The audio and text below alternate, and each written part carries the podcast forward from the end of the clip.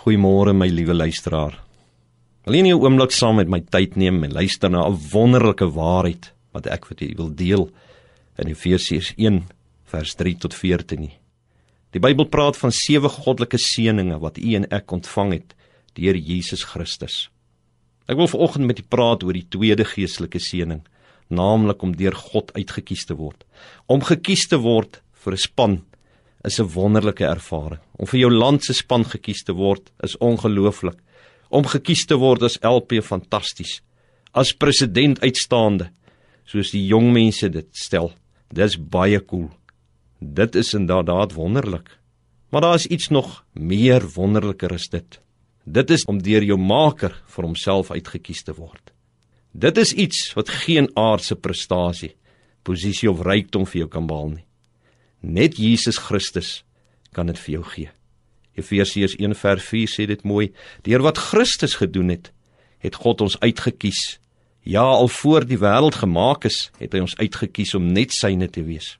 Jy's inderwaarheid handpicked by God. Hoeveel mense spook en spartel daagliks nie om in God se goeie boekies te kom en om kinders van God te word nie. Hulle sonder hulle af. Hulle kastei hulle self. Hulle doen goeie dade. Hulle hulle eie goeie lewe.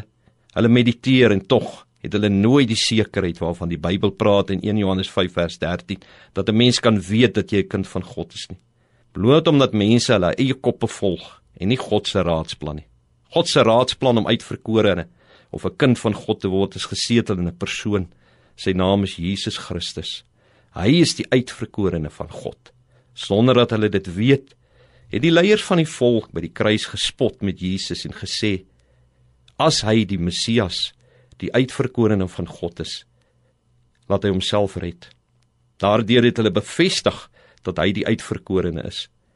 Liewe luisteraar, u kan 'n kind van God word. U kan deur God uitgekies word. U kan sekerheid hê. Neem Jesus aan.